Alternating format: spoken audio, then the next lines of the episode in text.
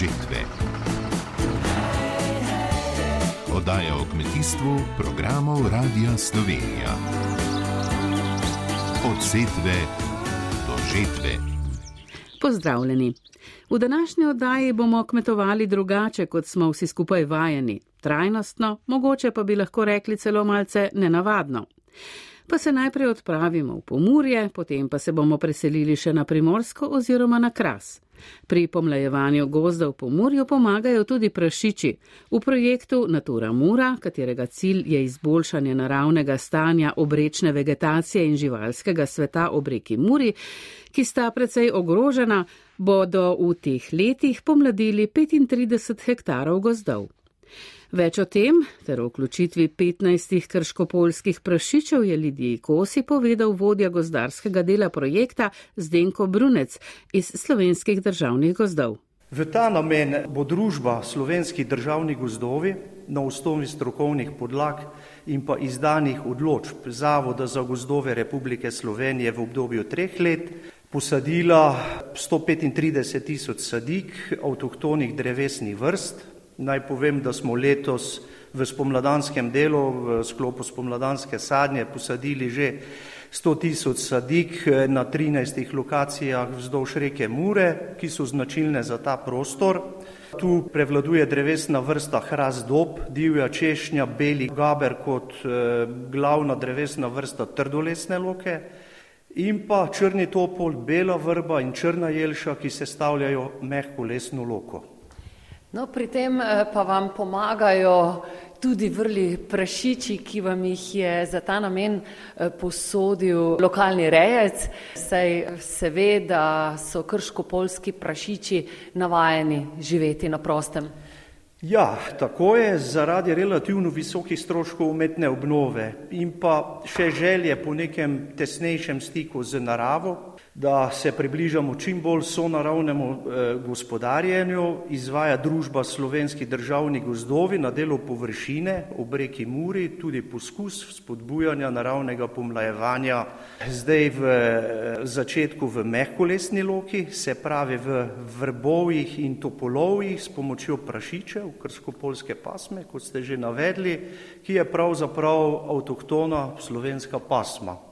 Zadeva je v bistvu pravzaprav zelo enostavna. Naloga prašičev je predvsem ta, da z svojim ritjem najprej prezračijo tla, premešajo humusno-mineralni sloj tal, se pravi upravljajo neko funkcijo, bi rekel čisto v kmetijskem eh, žargonu oziroma smislu podrahljača oziroma ene vrste rotobrane, hkrati pa tudi delno odstranijo zelišni sloj oziroma zmanjšajo moč zelišnega sloja, ki je v obrečnem pasu reke Mure zelo izrazit in nemalo krat onemogoča, da seme pade na plodna tla, kjer vzklije in na to zraste v drevo.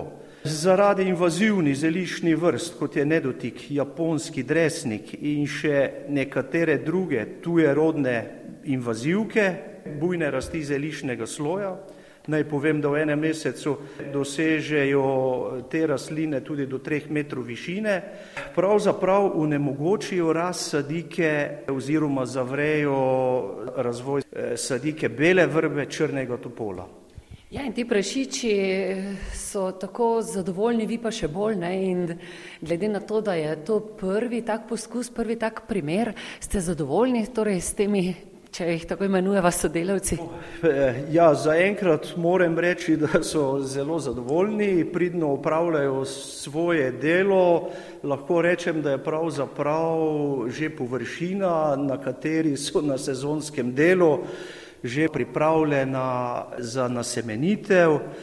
Mi nekako računamo, da jih bomo dali iz ograje, iz te obore, eno hektarske pred samim pričetkom semenenja bele vrbe in črnega topola, to je okvirno druga polovica maja. Ograjo se bo pa pravzaprav pustilo za zaščito pred divjadjo, jelenjadjo, pred objedanjem. Ne? Tako da potem glede na samo dinamiko razvoja mladovja se izvede še potem eh, končna sečnja semenskih dreves, da se doda še dodatna svetloba beli vrbi črnemu topolu, ki vemo, da sta izrazito svetloljubnivi. Po potrebi se bo izvedla še dodatna setev ali sadna z ciljnimi drevesnimi vrstami, ter po potrebi potem v nadaljem obdobju tudi potrebna njega, mislim predvsem na obžetev zelišnega sloja, ukolikor bo to potrebno.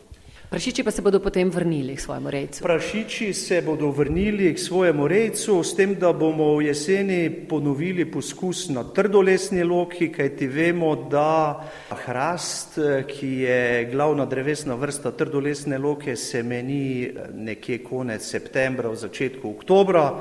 E, tako da računamo, da bojo tam spet prašiči v trdolesni loki nekje na površini prav tako enega hektarja izvajali pripravo tal za semenenje trdolesne loke hrasta kot glavne drevesne vrste. Ohranjamo biotsko raznovrstnost. V pivki pa bi radi ohranili čim bolj nedotaknjeno naravo in travnike krajinskega parka Pivška presihajoča jezera. V sklopu projekta Pivka Kras presiha iščejo oziroma so že našli nekaj kmetovalcev, ki so tako na zasebnih kot tudi na občinskih zemliščih pripravljeni kositi na prilagojen način. V dvoletni projekt, ki ga sofinancirata Evropski sklad za regionalni razvoj in Republika Slovenija, je vključenih več partnerjev, vodja parka Tadeko Govšek. V sklopu večjega naravovarstvenega projekta Pivka Kras presiha, ki je namenjen izboljšanju upravljanja Nature 2000. V zadnjem obdobju zelo intenzivno sodelujemo z upravljavci kmetijskih zemljišč in s kmetijsko svetovalno službo. Predvsem promoviramo ukrepe KOPOP ter jih tudi razlagamo, zakaj je pomembna taka košnja za varstvo narave. V zadnjem obdobju smo res imeli ogromno stikov z lokalnim prebivalstvom, z kmeti, z lastniki teh zemljišč. In moram povdariti, da so izkušnje zelo pozitivne. Lastniki se zelo dobro, eh, pozitivno odzivajo na naše predloge, tako da imamo kar dober občutek tudi za nadaljne delo. V sklopu projekta si želimo postaviti trdne temelje tudi za nadaljne sodelovanje, saj je to sodelovanje ključno. Želimo si seveda ohranjati to ekstenzivno kmetijsko krajino, ki je po eni strani zelo na udaru zaradi opuščanja kmetovanja, predvsem zaradi slabše ekonomike, po drugi strani pa na bolj primernih območjih pa intenzificirane kmetijstvo. Kakšen je pravzaprav način te košnje, za katerega se dogovarjate eh, s kmeti? Ja, v glavnem temeljimo na eh, pogojih, ki izhajajo iz kmetijske politike, torej kopop ukrepov, to je za posebej za habitate, za naprimer na jezerih pa za kostca, ki je pri nas prisoten, ki pa smo jih modificirali in nekako mal preuredili, predvsem zaradi tega, da so bolj primerni za naše območje. Tako da v glavnem smo te pogoje mal zaostrili. Na jezerih promoviramo predvsem košnjo po 1. augustu. To so seveda specifični travniki, najprej so mokrotni, potem se spremenijo v suhe travnike in s to pozno košnjo si želimo, da ohranjamo to floro, eh, ki je res specifična. Ne? Torej, da lahko vse rastline semenijo in eh, tako ohranjajo ta prečudovita travišča. Na suhih traviščih promoviramo košnjo po 1. juliju, Tukaj je večina teh suhih travišč se kosi, en velik del pa se tudi upravlja s pašo in tudi tukaj iščemo načine, kako izboljšati te načine paše s čredinkami, z različnim usmerjenim menedžmentom samih pašnikov. Na teh eh, prioritetnih habitatnih tipih, ki izhajajo iz Nature 2000, tako na mokrotnih, kjer je podlaga presihajoča jezera, kot na suhih traviščih zaznavamo počasno zaraščanje in določena sredstva smo namenili financiranju izvajanja krčitev. Te krčitve so usklajene z naravovarstveno prakso, torej puščamo različne strukture, grmišča, tako da zelo vključujemo tudi ta naravovarstveni segment v ta ukrep. V projekt se je vključil tudi mladi vsestranski kmetovalec Timotej Kovač. Za vključitev v ta projekt sem se odločil, ker pač ponuja neke možnosti najema oziroma upravljanja s kmetijskimi zemljišči, pač naša kmetija v fazi razvoja in stalno išče nove površine za zakup, povečujemo živali, tako da nam take zadeve bi se prav pridejo. Zdaj, kaj to prenese s sabo, v bistvu te, ta zemljišča bo potrebno upravljati pod določenimi pogoji, časovno je opredeljen čas košnje, prepovedano je uporaba mineralnih gnojil, tudi dohnojevanje, se pravi bolj na naravi prijazen način, kar je tudi cilj tega projekta. Sodelovanje s temi projekti vidim tudi enega drugega vidika in sicer, da pač pojavljajo se različne vizije in težnje glede upravljanja teh kmetijskih površin na našem področju v bodoče. In mislim, da lahko kot kmetovalci dobimo tudi možnost nekega usklajevanja s, s drugimi akterji med upravljavci okolja in na ta način tudi lažje izražamo svoje želje ali pa zaskrbljenost glede določenih stvari, ki jih to prinaša s sabo. To so zemljišča, ki so v lasti občine Pivka. Občina Pivka jih je odkupila za namene tega projekta in jih je preko javnega razpisa oziroma poziva ponudila v upravljanje eh, lokalnim kmetovalcem. Mislim, da je bilo interesa dovolj, ne samo med mladimi, ampak tudi z drugimi kmetovalci, lokalnimi predvsem tistimi, ki so s temi parcelami v preteklosti že upravljali in so v bistvu na ta način dobili tudi uraden zakup na teh zemljiščih, ki so jih mogoče prej samo preko ustnega dogovora koristili s prejšnjimi lastniki. Dosti je tudi mejašov, ki mejijo na ta zemljišča in jim je bil interes zakup. Trajnostno kmetovanje.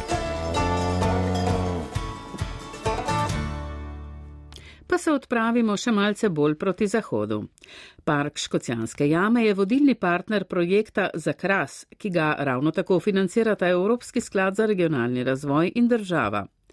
Poglavitni namen projekta pa je obujanje sonaravnega kmetijstva, s pomočjo katerega bi radi zaustavili zaraščanje kraških travišč. Na krasu je namreč zaraščenih že več kot 60 odstotkov nekdanjih pašnikov. Pogovarjali smo se z vodjo projekta za kras Milošem Bartolom in predsednikom agrarne skupnosti Podgorje Jožefom Korenom. Bartol. Projekt se ukvarja z Naturo 2000 kras. Cilj projekta je ohraniti in izboljšati stanje narave na tem območju. Pri tem pa seveda ne moremo brez kmetov, saj je kraška krajina, kulturna krajina in po svojem izvoru in obstoju odvisna od kmeta. Sama po sebi pač ne obstaja. Najtesneje povezan del projekta z kmeti je krčenje zarasti iz zaraščenih kraških travnikov. Ti kraški travniki so dragulj eh, biodiverzitete, so polni rastlin in živalskih vrst, jih pa od sredine 60-ih let 20. stoletja naprej ogroža intenzivno zaraščanje. In na ta način smo jih večino že izgubili, no tega problema se zdaj prvič lotevamo na terenu. Nismo čisto prepričani, kaj se bo zgodilo. To delamo na sedmih različnih lokacijah znotraj območja Natura 2000 kras s sodelavci, kmetovalci seveda. Ti kmetovalci imajo do neke mere sorodne načrte, vendar je vsaka lokacija specifična, ima kakšne svoje določene posebnosti in tudi vsak načrt kmetovalca je nekoliko drugačen od drugih. Tako da se nadejamo seveda uspeha, da bomo nekoč na teh močno zaraščenih površinah spet videli z življenjem bogate kraške travnike, po drugi strani pa bomo na ta način se mnogo naučili o tem, kaj je bolj primeren pristop od česa drugega. Saj se lotevamo na več različnih načinov hkrati. Na kakšen način motivirate kmetovalce oziroma eh, kaj jim polagate na srce, kaj naj počnejo, kako naj se lotijo? Pri nas je že skoraj pregovorno taka pogosta fraza, ki jo slišimo, da je Natura 2000 težava za kmetovanje. Slišali smo celo, da je strelil koleno, slišimo, da ah, vse te komplikacije zaradi tistega ptička, hroščka ali rožice. Mislim, da je v našem projektu zlahka opazno, da je lahko Natura 2000 tudi prednost za kmetovalce. Mi od njih sicer zahtevamo en do narave spoštljiv pristop k kmetovanju, vendar na račun tega jim povrnemo stroške, ki jih imajo z urejanjem, skrčenjem za rasti. Se pravi, s tem so ponavadi povezani znatni stroški z mehanizacijo, delom in tako naprej. No, te stroške jim mi v celoti povrnemo morda jim celo kaj ostane. Gospod Koren, tudi vaša agrarna skupnost se je odločila, da bo sodelovala eh, pri projektu. Zakaj je pravzaprav taka odločitev in kako se lotevate tega posla, bom rekla v navednicah? Taka odločitev je se pojavila zato, ker vidimo, da vse te pašne površine, kraške površine zaraščajo eh, z zelo veliko hitrostjo in smo se odločili, da bi te površine spet povrnili v pašne površine. Dali smo vlogo na Zavod za gozdove za eh, dovoljenje za krčenje.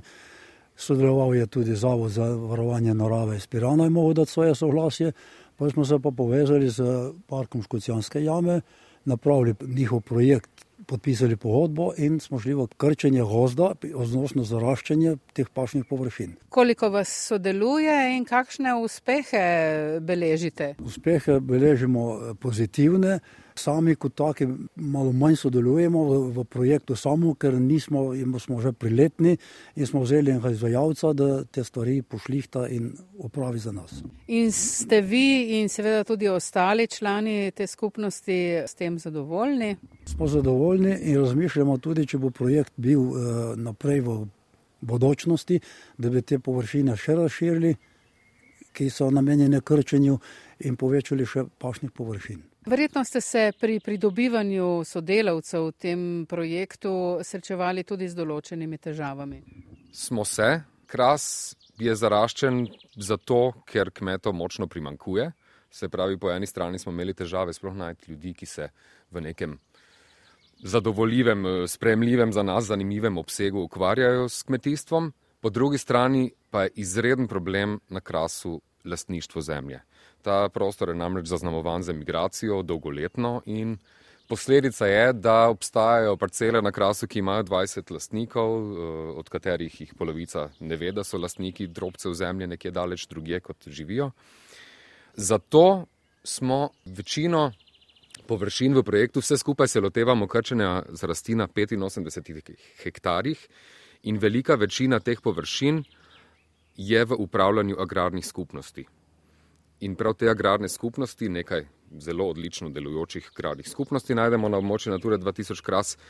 Te so za nas neprecenljive, saj lahko z njimi operiramo na nekih površinah nekaj deset hektarjev, kar je na krasu sicer praktično neizvedljivo.